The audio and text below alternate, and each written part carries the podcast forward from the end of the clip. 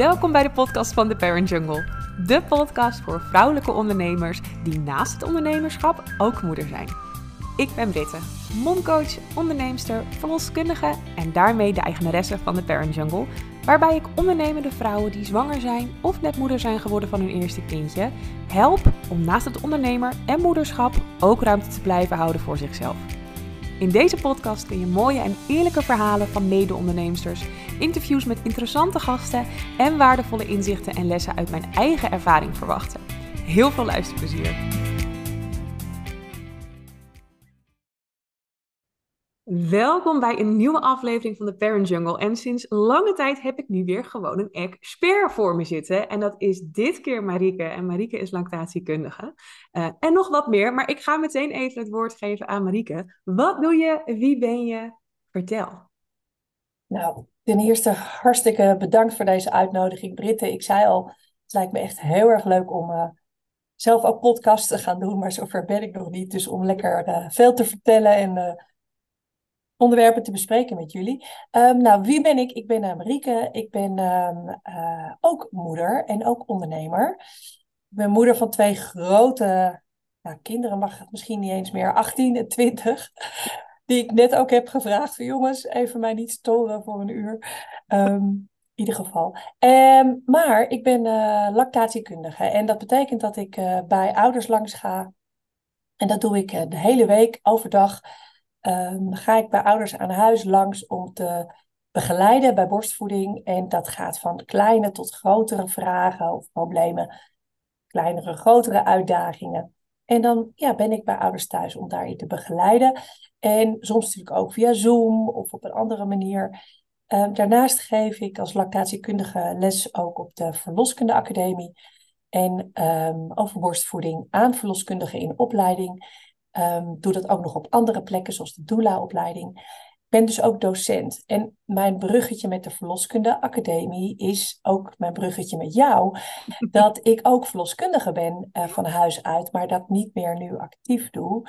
Ik uh, ben 20 jaar, zo'n beetje 25 jaar verloskundige geweest. En toen dacht ik, laat ik um, datgene wat ik ook zo leuk vond binnen de verloskunde in de kraambedden, is ook begeleiden van borstvoeding en dacht, laat ik daar eens even mijn papiertje inhalen, want ik weet vast al heel veel. Nou, papiertje houdt in dat je een bepaald examen moet doen. Dat heb ik gedaan. En dan ben ik lactatiekundige IBCLC, is een internationaal examen. En um, toen ontdekte ik eigenlijk dat ik als verloskundige best nog wat te leren had over borstvoeding. En dat steeds meer. Super herkenbaar. herkenbaar. Nou, dat, en dat bruggetje vind ik dus ook te gek om te slaan op de Verloskunde Academie. Van wat weet ik dat ik niet wist als verloskundige. En wat heb ik geleerd ook als moeder? Ik heb zelf ook mijn kinderen borstvoeding gegeven. En in de tijd dat ik ze voedde, had ik ook een eigen praktijk. Dus was ik, ben ik zelf altijd ondernemer geweest. Dus mijn eigen lactatiekundige praktijk nu, fulltime, is ook mijn eigen bedrijf. Um, en als laatste, ik heb ook een coachopleiding gedaan. In dezelfde tijd dat ik mijn uh, lactatiekundige opleiding deed omdat ik het hele proces van moederschap zo ontzettend gaaf vind en boeiend ook als hulpverlener om te kijken wat er nou gebeurt bij moeders en hoe je dat stukje ook kan helpen ondersteunen. Want ik denk dat jij dat ook ziet, als verloskundige ook. Er komen zoveel vragen op je af en zoveel nieuwe situaties als ouders. En dat geeft vragen en onzekerheid. En dat geeft, speelt ook weer een grote rol, ook bij het geven van borstvoeding. Ja, dus ik zeg altijd, ik kijk niet alleen naar of je lekker zit of hoe je tepels eruit zien, hoe de baby drinkt, maar ik kijk naar het hele verhaal met je. En coachen maakt daar dus ook een groot deel van uit. Hey, en je zegt het hele verhaal. Wat, waar kijk je dan bijvoorbeeld nog meer naar naast die praktische dingen zoals borsten en, en, en anatomie, zeg maar? Ja, um, natuurlijk ook hoe ervaart een moeder dit? Uh, dit avontuur? Hè, dus is er ontspanning, is er onzekerheid? Um, en waar komt dat dan vandaan? Soms heeft dat te maken met de situatie, maar soms ook met iets wat ervoor is gebeurd. Dus het kan ook zijn dat je bevalling bijvoorbeeld heel intens was. En daar spanning ja, uit, uit voort is gekomen bij de baby of bij de ouders. Um, dat het misschien veel intenser was of ingrijpender was dan je dacht. En dat zet soms het hele verhaal van borstvoeding geven ook in een ja, ander daglicht.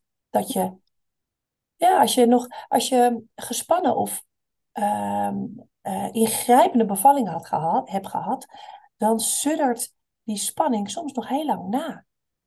Of soms ben je onzeker geworden over je lijf door een bevalling. Of uh, bij sommige vrouwen is het een soort boost in het vertrouwen, oerkrachten van die bevalling. En soms is het overweldigend. En dat kan ook doorspelen in je vermogen rondom voeden. Dat je daar onzeker over bent. Of dat de spanning nog na suddert bij de ouders. Of ook wel eens bij het kind. En dat kan weer zijn weerslag hebben op zit je samen ontspannen of ben je allebei nog heel erg alert. Wat bijvoorbeeld kan zijn na een meer intense bevalling.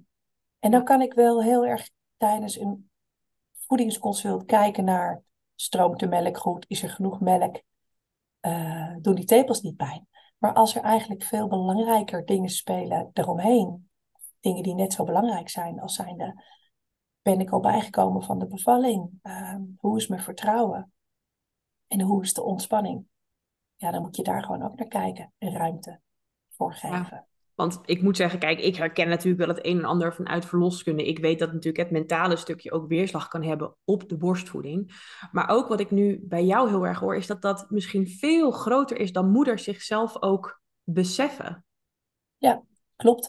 En jij zegt het mentale stuk, dat, dat, dat ben ik het helemaal mee eens. Dus hoe je het ervaren hebt, de gedachten die je hebt.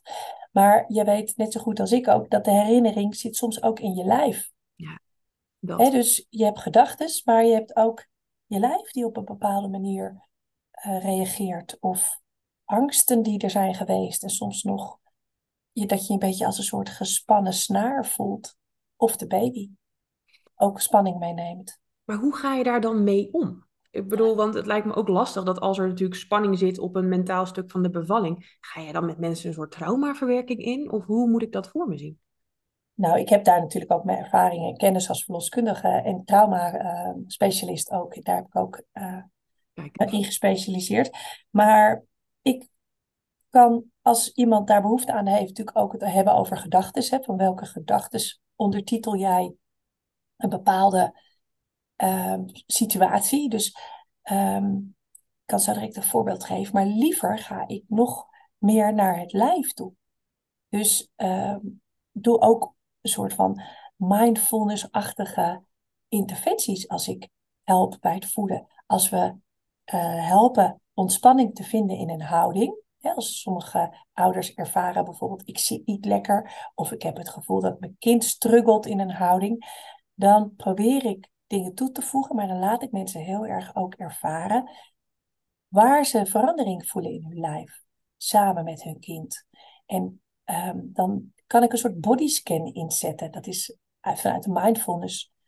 Bijvoorbeeld echt mensen laten voelen van waar voel je nu dat je baby tegen je aanleunt? Waar voel je zijn warmte? Waar voel je dat hij je aanraakt? Waar voel je jouw ademhaling en zijn of haar ademhaling? En heel vaak ook zonder dat ik dit soort oefeningen doe, geven mensen terug als er ontspanning komt in de houding, dat ze een woord noemen als zijnde ik voel me nu opeens weer één of weer samen in plaats van twee losse lichamen. En dat kan heel erg helend werken, ook voor de trauma of voor de lichamelijke herinnering. Maar dan gaan we daar misschien wat dieper op in, maar dat, dat maakt wel deel uit van mijn uh, sessies. Ik kijk wat ik allemaal zie in de voeding, in de houding, inspanning, ontspanning. Ik vraag naar de ervaringen rondom de bevalling. Ik vraag ook of ouders andere uh, ja, dingen willen delen op het gebied van psyche, depressieklachten hebben of angsten hebben, omdat dat allemaal uit kan maken in welk plan de ouders willen maken rondom borstvoeding. Want wanneer komen mensen bij jou dan? Hoe, wat voor problemen bijvoorbeeld? Ja, dat loopt uiteen, maar um, heel vaak zie ik ouders uh, rondom gevoeligheid van de tepels. Pijnklachten of soms kapotte tepels. Maar um, als dat onaangenaam voelt of oncomfortabel voelt, dus uh, dat is één hele grote groep. Vaak ook vragen rondom te veel of te weinig melkproductie. Wat weer resulteert in bijvoorbeeld minder groei of juist snelle groei en soms refluxklachten. Als je heel veel melk hebt, dan kan dat gaan spelen. Ehm, en een hele grote groep uh, vraagt eigenlijk, ik zit niet lekker of ik wil meer ontspannen kunnen voeden of ik wil op andere plekken makkelijk kunnen voeden zonder afhankelijk te zijn van kussens. En dat heeft vaak met houding te maken. En houding heeft dan soms ook te maken met wat een kind doet in een bepaalde houding. Dus dat ouders bij me komen soms omdat de baby ja, een soort van niet meer lekker zit of aan het terugtrekken is of aan het weigeren is en niet meer lekker zit. Dus pijnklachten, productie en uh, eigenlijk houding, dat zijn de grootste onderwerpen. En richting werk, maar dat is dan onderwerpje nummer vier, ook van hoe ga ik terug naar werk en hoe kan ik dat combineren met kolven of niet? Uh, wat is mijn plan en wat past bij mij? Ja, want dat is natuurlijk eigenlijk ook een beetje waarom, wij, waarom ik jou specifiek heb gevraagd voor deze podcast. Is omdat jij ook veel werkt met ondernemende moeders. Zie jij bij hun bepaalde dingen anders dan bij bijvoorbeeld vrouwen in loondienst? Nou, het is denk ik best een hele kunst om je eigen baas te zijn. Ja, dat kan ik helemaal beamen. ik was zelf ook, hè. ik was zelf, of ben zelf altijd eigen ondernemer geweest. En ook toen ik mijn kinderen voedde, moest ik keuzes maken van hoe ga ik dat dan doen met mijn werk. Ehm, maar hoe goed ben jij als je eigen werkgever daarin om dat te ondersteunen of grenzen te helpen uh, bewaken? Hoeveel vrijheid geef je jezelf als werknemer uh, om langzaam terug te keren in je werk? Of ga je meteen vol uh, weer terug in je bedrijf, omdat je gewend was dat altijd zo te doen? Misschien was je bedrijf vroeger wel je kind als het ware. Dat je, oh, al je liefde ging daarin. En nu heb je je aandacht te verdelen.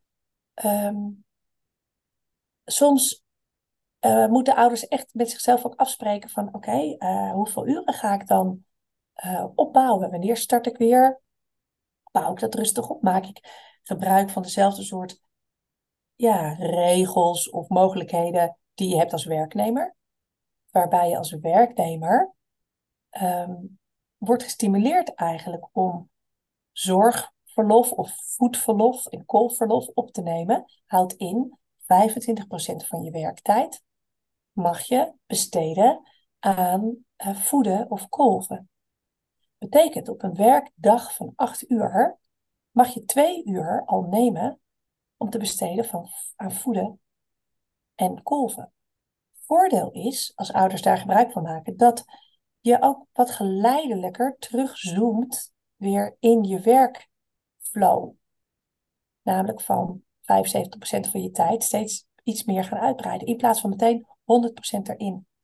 Um, dat kan zeker voordelen hebben.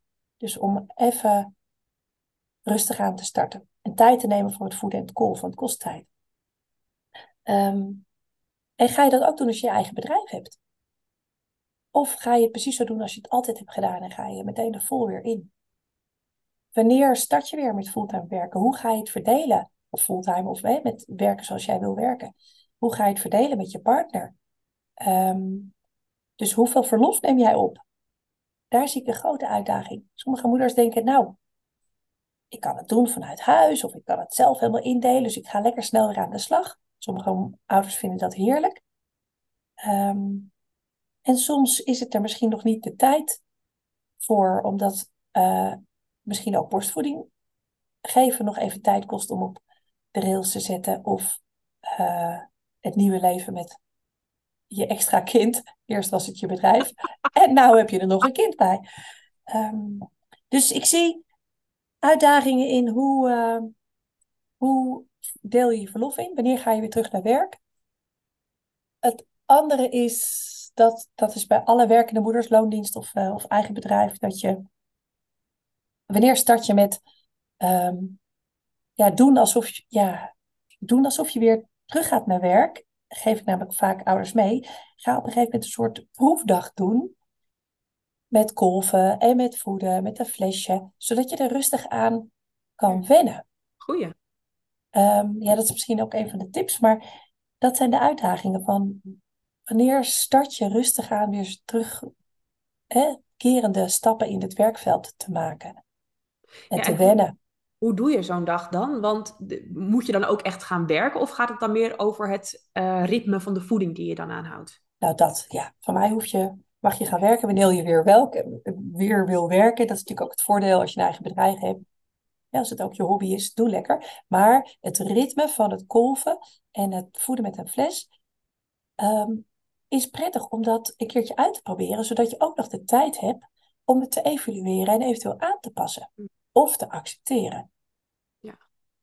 Ehm, alle baby's, van ondernemende moeders, werkende moeders, als je borstvoeding wil blijven geven en je melk op gang wil houden, houdt het in dat als je terug bent en op je werk bent, eh, dat je gaat kolven op het moment dat je baby thuis de voeding krijgt.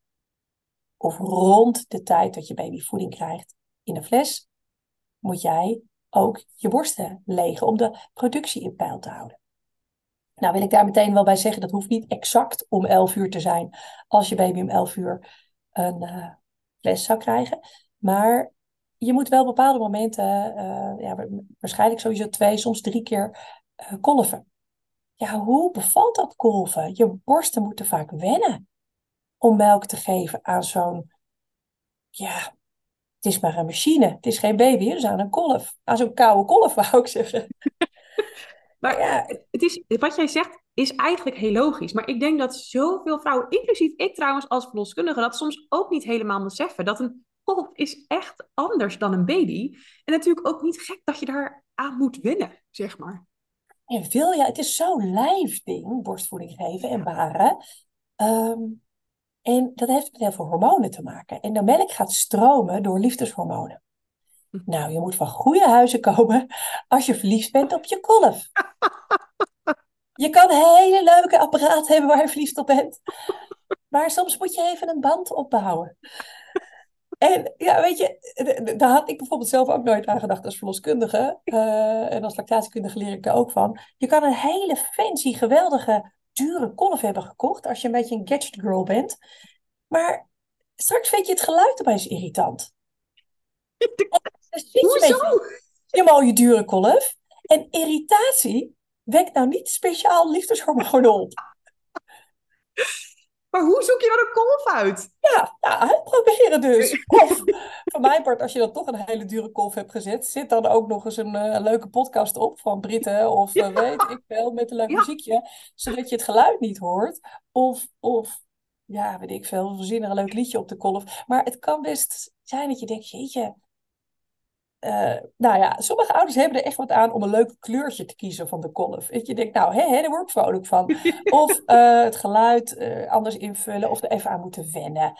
Of iets toe moeten voegen wat het leuker maakt. Kolven, het is maar een machine. Liefdeshormonen is een uitdaging. En dat weten heel veel ouders niet. Maar je gaat je melk laten stromen door het gebruik van liefdeshormoon. En wow. ja, en dat is ik weet niet of ik het mag zeggen, ik zeg het toch. Het is best een soort mindfuck. Mag je zeggen. Ik ja, zeg ook heel vaak fuck. Bliep. Ja, Mindbliep. dat, dat je denkt uh, dat melk gaat stromen als je zo'n machine aanzet. Beetje zuigkracht erop, goede, goede machine, lekker hard aanzetten. Uh, hard werken. En dan gaat die melk wel stromen. Liefdeshormonen zijn er vooral als je niet hard werkt. Als je zoals ik nu ook heel hard aan het praten ben, als je even ademhaalt, even gewoon. Nou, dan voel ik me nu alweer beter en rustiger. Liefdeshormoon gaat stromen als je verlangzaamt, als je verzacht, als je ademhaalt. En dat is het tegenovergestelde van hard werken. Want ik, dit is ook, het klinkt ook, nu je dit zegt, zo logisch. Want ik zie ook heel veel moeders denken, hup, even golven, even dit, even tussendoor. Ja. En dan eigenlijk ook verbaasd zijn dat het gewoon niet stroomt. Maar eigenlijk, ja. hoe je het nu uitlegt, is het natuurlijk super logisch. Ja, maar soms hebben we te veel vertrouwen in machines. Ja, ook dat. Weet je, je zet een knopje aan en uh, het was een goede kwaliteit en dat was duur en whatever. En uh, het zal wel. Uh, maar zo. Soms moet je zo'n machine weer even uitzetten. En ja, je kan het niet zien, maar ik doe het lekker toch voor. Je kan gewoon je handen rondom je borst, even onder en boven, even een beetje. Wat? Beneden, maar dat kan ja, met heel veel liefde, maar je kan ook gewoon een beetje gedachteloos, even als je je kolf aanzet, een beetje kneden, een beetje warm, een beetje husselen. Ik noem het wel eens doe de milkshake. Een beetje zo uh, warm wrijven, zonder dat je dat heel leuk hoeft te vinden. Maar ja, loosen up. Maak je lijf wakker voordat je zo'n machine erop zet. En soms moet je dat ook even tussendoor doen. Dat zijn gewoon een beetje kolftips. Die heb ik ook op mijn website en op uh, Instagram dat je, stel dat je een machine aanzet, je komt uit een uh, vergadering gerold, even snel kolven op. En je zit nogal op in je werkhormonen. Nou, dan kan het best even helpen om eerst eens even adem te halen. Even dat, slow down. Maar ook om je borst een beetje warm te maken en op te warmen. Um, voordat je uh, de kolfmachine aanzet. En als je de kolfmachine er meteen op zet, omdat je haast hebt en het stroomt niet, om dan toch misschien even te denken, oh ja. Ik zet hem nog even uit. Haal vijf keer diep adem. Lach tegen jezelf in de spiegel. Uh, doe van mijn part een stom dansje. Uh, of zet nog even je warme handen erop. En zet daarna de kolf er weer aan. Dat is misschien één minuut later. En haal adem. En dat gaat allemaal over liefdeshormoon. Dus dat leren kennen van de kolfmachine daar moet je soms even de tijd voor geven. Start daar tijdig mee, zodat je kan evalueren of die kolf bij je past. En dan gaan we het straks nog even over materialen hebben, maar start, neem er de tijd voor. Even te wennen aan wat kan ik met die kolf, wat voor manier kan ik hem gebruiken. Harder, zachter, ander schild, uh, ander geluidje. Wat werkt er voor mij? Wat ik ook zo leuk vind om van je te horen, dat borstvoeding ook gewoon leuk mag zijn. Want ik denk dat we het ook soms zo serieus nemen en onszelf het ook zo opleggen dat die voeding moet lukken. En dat ook de lol er gewoon van afgaat, waardoor je dus weer dat hormoon eigenlijk afneemt, neem ik aan, dat liefdeshormoon. En um, dat vind ik zo leuk, ook, ook hoe je het vertelt. Het mag gewoon leuk zijn. Ja, het mag leuk zijn. En weet je, maar het tegeneffect, dit is ook wel soms is het gewoon ook even niet leuk. Maar dan hoeft het ook niet. Uh, dan hoef je het, even denken, wat ik zeggen. Dan hoef je het niet per se leuk te vinden. Er zijn mhm. weinig ouders die kolven leuk vinden. Ja, dat snap ik ook. Ja. Snap je? Dus um, dan hoef je niet zin te maken, zeg ik wel eens. Dan doe je het maar zonder zin. Maar maak het dan zo leuk mogelijk. En neem even een kopje thee en haal even adem. In de worst case scenario heb je even een kwartiertje zitten ademhalen. En dan kan je daarna weer vol aan de bak. Um, om nou verliefd te worden op die machine is wat, wat veel gevraagd. Dus soms moet je ook gewoon accepteren wat er stroomt. Wat je op dat moment geeft. Dat is soms minder dan je perfecte beeld van het moet een hele voeding zijn. Accepteer wat je geeft en laat stromen.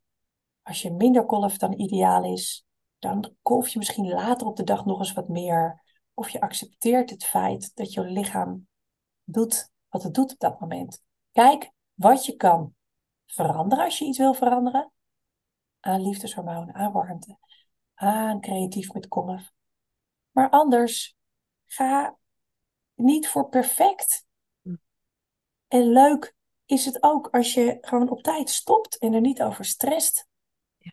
En wild en met een glimlach naar jezelf kijkt.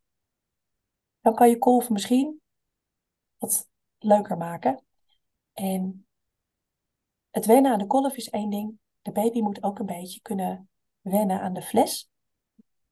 En ik kom helaas ook, dat zijn ook een deel van mijn consulten, ouders tegen die heel succesvol met veel plezier hebben borstvoeding gegeven dat die baby ook het leukst vindt van alles, die borsten.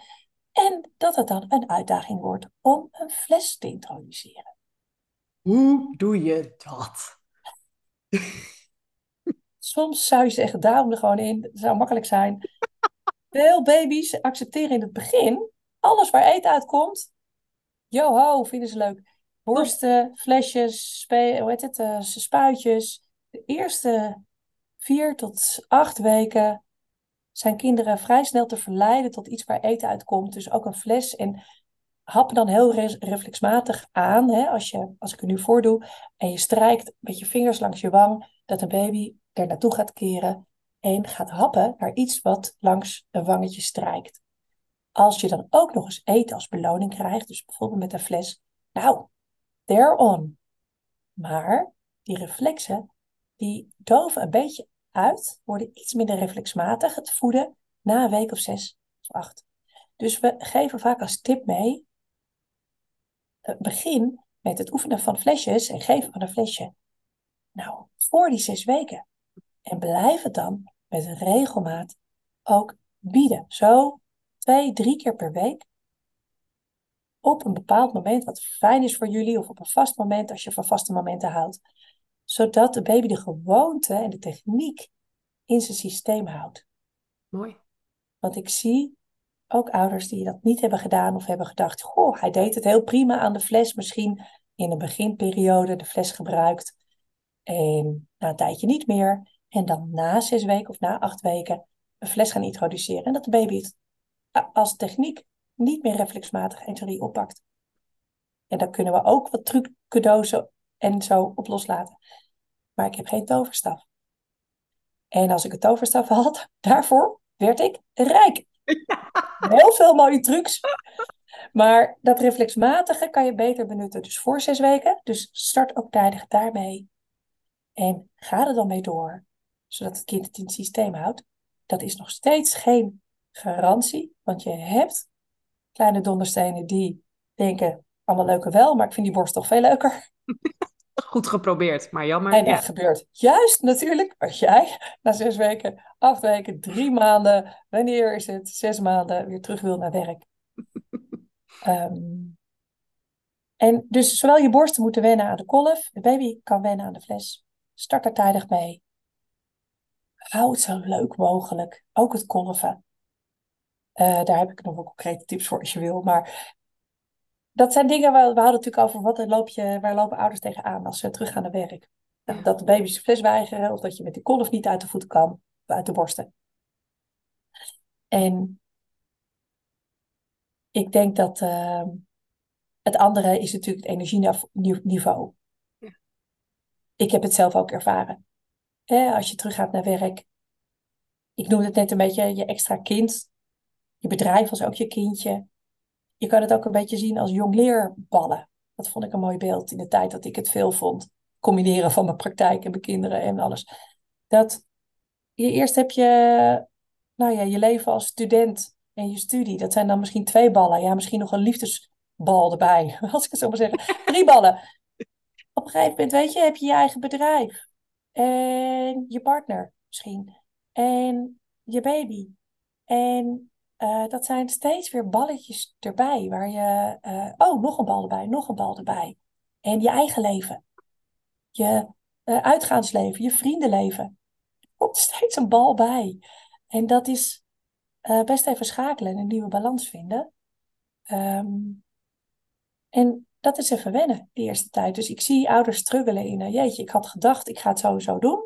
En tegen de tijd dat je gaat werken, denk je, goh, ik ben nog eigenlijk best wel moe uh, moeier dan ik dacht. Of uh, het is anders dan ik me had voorgesteld. En hoe vind ik dan weer een nieuwe vorm? Dus als je tijdig start met het oefenen, want daar hadden we het net over, van zo'n kolf werkdag. Ja. Als je dan nog twee of vier weken daarna hebt, om even te kijken, wat vind ik hier nou van? En is het reëel wat ik had bedacht? Dan heb je misschien nog de tijd om je situatie te accepteren of aan te passen. Dat je denkt, ik ga misschien toch wat langzamer starten met mijn bedrijf. Je maakt het um, gewoon wat makkelijker voor jezelf. Je moet het even evalueren. Wat je ervan vindt. Ook denk ik de eerste maanden als je gaat werken. Ik weet niet wat jij ouders daarin meegeeft, Britte, maar... Ja, ik eigenlijk een beetje hetzelfde. Ik sowieso, um, wat ik heel erg merk, is dat ouders, dat sommige moeders al in de zwangerschap zich zorgen maken over wanneer ze terug gaan komen van werk. En um, zeker bij, bij het ondernemen heb je, hè, daar hadden we het eigenlijk ook al voor, voor deze opname al een beetje over, een beetje twee soorten ondernemers. Uh, waarbij de ene heel erg gestructureerd is en het bijvoorbeeld heerlijk vindt om weer uh, echt na die drie maanden terug te komen van van, van verlof, heeft de andere eigenlijk is die wat rommeliger en laat het meer afhangen van een energielevel.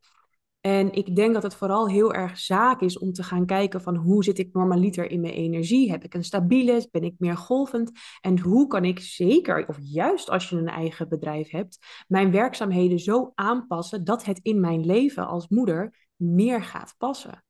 Ehm, en ik denk dat door de tips die je net gaf, dus door het voorbereiden op uh, weer om op te gaan kolven tijdens werk, uh, dat je daar ook al heel veel mee ondervangt qua stress rondom voeden en, en werken. Ja, dat je in ieder geval gaat uh, ervaren ook hoe het dan al is met je proefdraaien. En de grootste verrassing is soms voor ouders die eerst hele stabiele energie hadden en daardoor een plan, daarop een plan hadden gemaakt.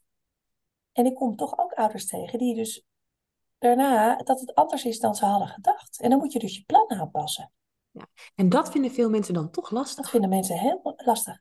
En dat is ook trial and error. En dat is waarom ik zeg, start tijdig een beetje met uitproberen. Met twee dagen, drie dagen per week. Misschien eerst maar eens één dag. Ga eens kolven, twee keer per dag. Kijken of je partner of iemand anders of een oppas, de baby dan, de dag door kan helpen met de voedingen die je gekolfd hebt. Start dus ook tijdig met een paar voedingen opsparen, zodat je nou ongeveer een dag aan voeding in voorraad hebt. Want op het moment dat je de voeding gaat geven, ga jij ook kolven.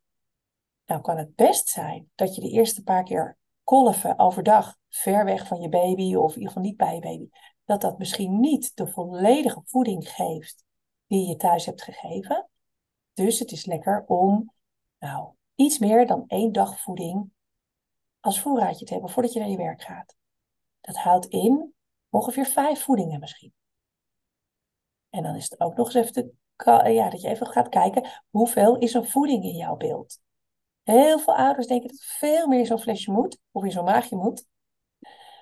Um, omdat ze misschien uh, dat gezien hebben, omdat die fles zo groot is bijvoorbeeld. Als er 180 milliliter in de fles valt, eh, past, dan denken ze, nou, die moet dus gevuld. De maaginhoud van een baby zit zo rond de 100 milliliter. En dat ja, is een flexibel een hoeveelheid, flexibel ook. De maag is uh, flexibel en wat elastisch. Dus 100 tot 150 is vaak een beetje een gemiddelde maaltijd voor een kind tegen de tijd dat je weer naar werk teruggaat. Dus ergens rond drie maanden als je als ondernemende moeder jezelf die tijd geeft. Uh, anders is het ergens tussen de 100 en, uh, en de 150.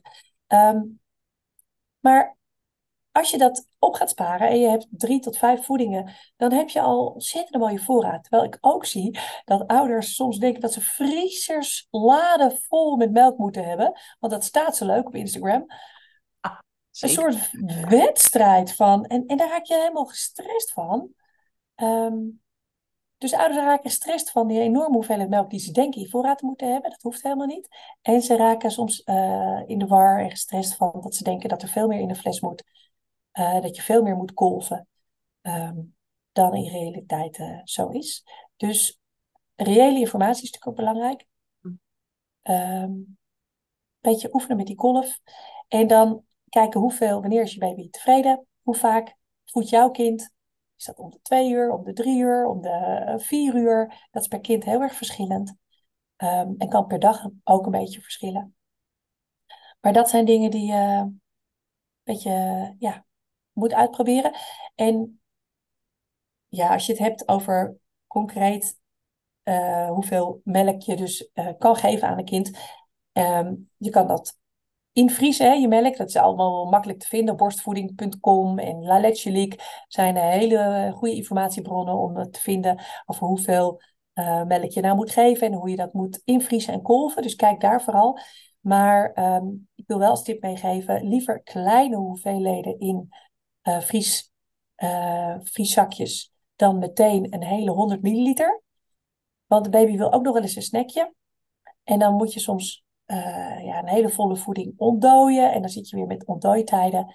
Maar als je bijvoorbeeld uh, hoeveelheden hebt van 30 milliliter en 60 milliliter, uh, dan kan je alle soorten hoeveelheden combineren tot een hele voeding. En ijsblokjes zijn vaak ook heel handig. Dus dat zijn even wat concrete golftips. Maar um, je moet even gaan uitvinden hoe dat werkt. Hey, en we hadden het ook een beetje over die verschillende stijlen ondernemers. Maar ehm, wat ik, wij hadden hiervoor dat deze podcast start, daar hadden we het even over. Toen zei je dat is ook anders dan het plan wat je voor mensen maakt. Dat het plan rondom borstvoeding soms ook anders per persoon kan zijn. Hoe werkt dat dan precies? Um, nou, als je een, een georganiseerd, ik wou zeggen, een goed georganiseerde um, ondernemer bent, maar dan is de vraag, wat is goed? Maar stel dat je ja, haalt van structuur en dat ook bij je past, dan uh, ziet jouw plan er qua borstvoeding vaak ook wat gestructureerder uit. Dat houdt misschien dan in dat je op vastere tijden uh, kolft. Dus dat je zegt, nou, ik plan het echt in om 11 uur en om 3 uur. Uh, vaste tijden en vaste hoeveelheden. Dus dat je daar een goede, een, ja, een, echt een schedule voor hebt. Er zijn ook ondernemers die misschien juist de vrijheid nemen om te zeggen, weet je wat, uh, gisteren was een dag dat het eigenlijk niet zo lekker liep met kolven. Of mijn kind is niet zo, zit wat minder lekker in zijn vel. Weet je wat, ik plan morgen even een dag vrij. Gaan we een dag opeens weer even helemaal induiken en doen een inhaaldag. De vrijheid als eigen baas zou kunnen betekenen dat je dat ook jezelf kan toestaan. Als je werk, hè, uh, omstandigheden dat kunnen toestaan. Um, ik denk dat jij ook wel ziet dat sommige ouders uh, wat flexibeler moeten kijken naar wat past dan goed bij mij qua structuur. Ben ik een avondmens? Ben ik een ochtendmens? En uh, ga ik werken op dat soort momenten? Um, als je een rommelmoeder bent, met een rommelbedrijf, uh, die denkt, weet je wat, nu heb ik een goed idee, nu ga ik s'avonds hard aan het werken, en zo deed ik het altijd. Ja, dat kan met een baby nog wel eens een uitdaging zijn. Um, je, ziet, je ziet ouders die bijvoorbeeld meer zo'n uh, intuïtieve of uh, impulsieve ondernemer zijn, past bijvoorbeeld een strak plan niet zo ontzettend bij. En dan, dan werkt het soms ook wel veel beter om het dan maar los te laten. En op een dag uh, misschien dat je vrij hebt, te denken, weet je wat, dan doen we nu weer een beetje lopend buffet spelen. Uh, als ik gisteren veel te weinig heb gekolfd, zo deed ik het namelijk. In mijn, in mijn diensten als verloskundige, ja, soms moet je gewoon gaan. En, uh, of, ik, of ik deelde dat niet goed in. En dan ging ik, had ik plofborsten en dan had ik uh, veel te weinig gekolfd. Nou, dat heeft, uh, niet zo, ja, dat heeft ook nadelen. Maar dan moet je dealen met het effect van zo'n keuze. Het hele volle borsten, dus te weinig kolven en overvolle borsten, heeft een soort rem remmend effect op je productie. Kan zijn dat je dan de dagen daarna merkt dat de productie wat afneemt.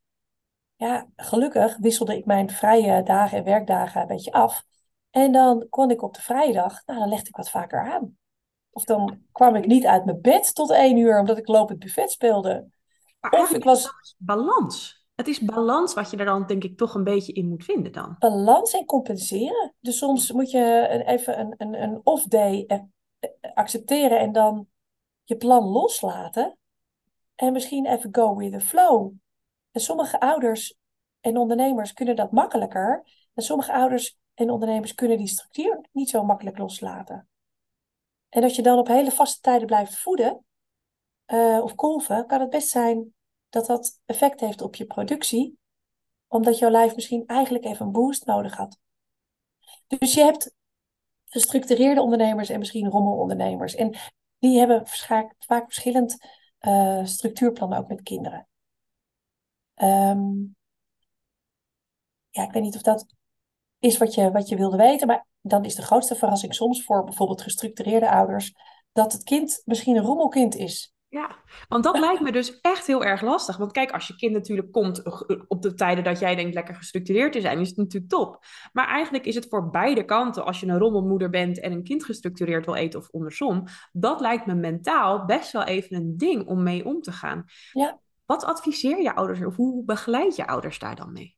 Nou, ouders, het is, je hebt natuurlijk niet zomaar plotseling dat kind. Hè? Je groeit daar ook wel in mee. Ja, je hebt dan plotseling dat kind, maar je bent zwanger. Daar gebeurt al iets. Dan heb je zo'n baring, moet je ook nog even door. Weet je, weet je, heel proces. Maar dan heb je ook nog eens wel die eerste, weet je, zes, acht weken, eh, drie maanden om een beetje elkaar te leren kennen. Dus tegen de tijd je terug gaat naar werk, weet je soms al een beetje wat voor type kindje is. En dan ben je al een beetje aangepast. Dus je kan van tevoren, als je zwanger bent, wel heel plan maken neem de flexibiliteit om te kijken naar je kind. En dan ben je zelf soms ook een beetje aan het veranderen. En verander je mee met je kind. Um, en verder is het soms uh, toch een hele nieuwe fase om uh, in dat eerste jaar af en toe mee te bewegen met je kind. Waardoor je misschien voor jezelf een klein beetje moet loslaten. En je weer in een nieuwe balans komt, in een nieuwe fase komt. En dat jouw nieuwe normaal wordt ook. Je kan het normaal niet forceren. Soms moet je een beetje meebewegen en ontdekken waar het dan weer naartoe gaat. Um, het hoort er wel bij. Zo'n eerste jaar is uh, een heel leren kennen, uh, leren, leren kennen, leren kennen van je kind en jezelf daarin. Ja, dat denk ik ook. En af en toe dus je plan omgooien en bijstellen en evalueren. Hey, en um, ik heb er al een paar gehoord. Maar als we nou als laatste vraag jouw drie toptips voor ondernemende borstvoedende moeders zou moeten geven. Welke zouden dat voor jou zijn? Nou, samenvattend denk ik waar we het begin over hadden, begin op tijd. Ja, precies. Geef jezelf de tijd om te wennen aan kolf um, en de baby te laten wennen aan de fles. Dus voor zes weken. Ik zou zeggen, vanaf vier weken kan je rustig gaan met kolven. Een beetje te oefenen. Dan zit er nog geen druk op de ketel. Um, om het melk op te sparen. Uh, blijf het dan ook doen. Eh, dus blijf de kolf en, de, uh, kolf en het fles aanbieden ook in een soort ritme van zeker twee tot drie keer per week. ga ermee door tot je terug gaat naar het werk. start dan ook, denk ik, twee tot vier weken. Ik zou zeggen vier weken voordat je echt een werkdag hebt. Met eens een keer één dag echt doen alsof je niet bent. En misschien ga dan even iets leuks doen. Um, tweede tip, daar hebben we nog een beetje zijlings langs gehad. Kijk naar passend materiaal. Um, ik had het even al over het irriteren aan de golf. Dat kan grappig zijn. Maar um, wat heel belangrijk is, is letterlijk passend. Zorg voor passend uh, materiaal qua schild. En het schild, de doorsnede van het schild, heeft een bepaalde maat. En die moet passen bij de maat van jouw tepel. Veel moeders kolven met materiaal dat niet helemaal past bij je borst of bij je uh, tepeldoorsnede. Even als voorbeeld, uh, er zijn schilden van bijvoorbeeld maatje 24, betekent gewoon 24 mm. Nou, Britte, als jij nu in je bloesje zou kijken, ja, ik zie je denken, ze kijkt in de bloesje. Als je nu naar je, in je bloesje kijkt, denk je, god, hoe breed is eigenlijk, hoe breed is mijn tepelknop? Of hoe, wat is de doorsnede van mijn tepelknop? Heb ik het niet over de hele tepelhof, maar echt de knop van je tepel. Uh, dan zijn veel tepels kleiner dan 2 centimeter. Um, soms zelfs tussen rond 15 mm. Daar past dus een ander maat schild bij, een kleiner schild bij. En goed passend schild is passend bij die maat, dus bij een tepel van 2,4 centimeter. Mm. Of ietsje kleiner, klein beetje ruimte eromheen. Maar een beetje passend schild betekent ook lichte wrijving langs de zijkant van je tepel. Dat stimuleert namelijk je liefdeshormoon. En het creëert goed vacuüm. Als je niet goed vacuüm creëert met die tepel en de vacuümschild, uh, hoe heet het, maat van het schild, dan um, wordt eigenlijk tepelhof in en uit geslurpt. En dat knelt soms ook je kanaaltjes dicht, waardoor je minder melk uit je borst haalt en het ook vaak onaangenamer voelt. Dus kies voor een leuk apparaat, sterk genoeg naar jouw wensen, uh, passend schild. Dat vergeten heel veel ouders. De rest is een beetje. Uh, daarnaast, qua kolfmateriaal, kijk, wat zijn je werkomstandigheden? Ben je veel onderweg? Uh, dan voor ja, iets wat met een goede batterij werkt. Um, vaak is een combi fijn, dat het ook in Elektra kan. Maar alleen in Elektra beperkt je heel erg flexibiliteit van waar kolf ik. En ondernemers zijn ja, heel vaak toch ook wel een beetje flexibiliteit is wel belangrijk. Ben je onderweg? Wat voor plek zit je? Kan je overal kolven? Eén belangrijke tip. Kijk ook naar uh, Elektra vrijkolf. Dus gewoon een simpel handkolfje. Oh ja. Mechanisch, met je eigen hand. We zijn heel erg fancy, gadget girls allemaal. Leuk, mooie machine, Elektra, weet ik veel, handsfree kolven. Maar gewoon een handkolfje kan heel, heel handzaam zijn als extra. Dus materiaal is goed. Een laatste ding over materialen, want daar hebben we het nu over. Er zijn heel veel vrouwen die uh, uh, nu kiezen voor een wireless pump. Um, nou, een paar merken, ik weet niet of je dat wil noemen hier. Maar er zijn natuurlijk hele dure fancy ones die je in je BH kan stoppen. Heb je geen... Die dingen vind ik fantastisch eruit zien. Ja, zie je er geweldig uit. Je hebt ook een heel mooie vorm gegeven. Nou, als je daar blij van wordt, dan gaat je melk meteen stromen. Hartstikke leuk. Maar... ik geef niet eens borstvoeding en ik voel het al stromen. Ik denk, oh, bedoel ik, geweldig. Maar het is wel zo, lief Brit, ik heb je tepels nog niet gezien. Maar als jouw maat tepel daar niet bij past, ze maken soms minder goed vacuüm, die wireless pompen. Oké, en het andere is dat we hebben het gehad over liefdeshormoon, dus tegenovergestelde van werkhormoon, adrenaline. Als jij denkt, mooi, ik kan met die wireless golf tijdens het typen of tijdens het harde werken, hop, hop, hop, golven. Nou, dat werkt voor sommige moeders wel prima. Die zetten zo'n ding erop en het gaat stromen. Maar als je stresshormoon nog hoog is, moet je van goede huizen komen. En daarnaast, golven maakt ook uh, dat het liefdeshormoon omhoog gaat. Daar word je soms een beetje slaperig, een beetje vaag van. Nou, zit je net lekker je verslag te schrijven en je, wordt je snapt er echt opeens helemaal. Je moet toegeven aan die liefdeshormonen al is het maar even voor 15 minuten. Dus, lieve dames, geef even toe aan die 15 minuten op je kont zitten. Dan kan je daarna weer lekker productief zijn. En neem het er even van. En dat is eigenlijk tip 3. Take the moment om te kolven. Het hoeft niet exact het voetmoment te zijn. Geef jezelf een window van ongeveer twee uur, ervoor of daarna. Misschien voordat je vergadering gaat Golf dan alvast even, zodat je niet met knalborsten in die vergadering zit. Um, golf dan daarna misschien de rest er nog even uit. Um, wees flexibel. En als je het moment dan neemt, neem dan even dat moment, een kopje thee. Drie keer op een dag golven, misschien een half uur de tijd nemen daarvoor. Ga even met je been omhoog. Haal adem. Je kan daarna veel effectiever zijn. En je moet soms even omschakelen van liefdeshormoonwolk naar weer um, werkmodus. Nou ja, daar kan ik ook nog wel tips voor geven. Maar take eerst maar eens even de moment van het kolven, zodat je daarna effectiever kan zijn. Maar accepteer ook dat wat je dan te geven hebt. De ene keer is het meer dan de ander, andere keer. Niet te veel stress inzetten over hoeveel je precies moet kolven en hoe vol die flesjes precies moeten zijn. Je kan ook als je thuis komt of s'avonds voor het slapen gaan, misschien nog een klein beetje bijkolven. Of s ochtends voordat je naar je werk gaat, misschien kolven. En ja, wat jij zei, Britte, het kan ook leuk zijn. Mhm. Dus je kan ook tips vragen aan medemoeders, aan informatiebronnen, borstvoeding.com, La Leche Borstvoedingsforum, Instagram.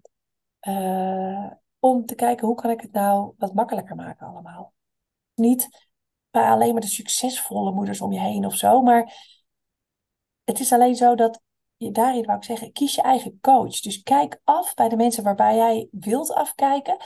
En laat de goed bedoelde adviezen van andere mensen die zich met jou willen bemoeien, van je afglijden als dat niet jouw zelfgekozen coach is. En dat kan dus ook bij lactatiekundigen of bij zo'n geweldige ondernemer, ondernemerscoach zoals jij bent. Um, lijkt me echt heerlijk als ik die had gehad. Echt, hè? Oh, man. Maar goed, wees ook je eigen coach. Precies. Mijn bedrijf heet trouwens een Mama Minds. Oh, daar had ik mee moeten beginnen. Maakt niet uit. Ik, ik, ik zou hem sowieso al, want um, Marieke, onwijs bedankt hè. Dat allereerst. Ik heb echt aan je lippen gehangen. Um, en sowieso alle gegevens van Marieke, dus haar uh, Instagram en haar website komen in de beschrijving. Dus daar kun je Marieke vinden. Um, Dank je wel. Graag gedaan. Dank je wel dat je mijn waterval aan enthousiaste tips ruimte hebt gegeven. Geweldig.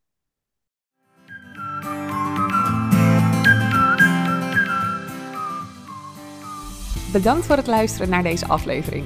Ik ben natuurlijk heel benieuwd hoe je het vond, dus laat vooral een reactie of een review achter. Daar help je mij mee, maar ook andere zwangeren of moeders die op zoek zijn naar een interessante podcast. En wil jij nou ook weer meer ruimte voor jezelf naast het zijn van ondernemer en moeder? Dan ben ik er ook voor jou. Kijk even op www.theparentjungle.nl of volg mij via Instagram theparentjungle. Tot dan!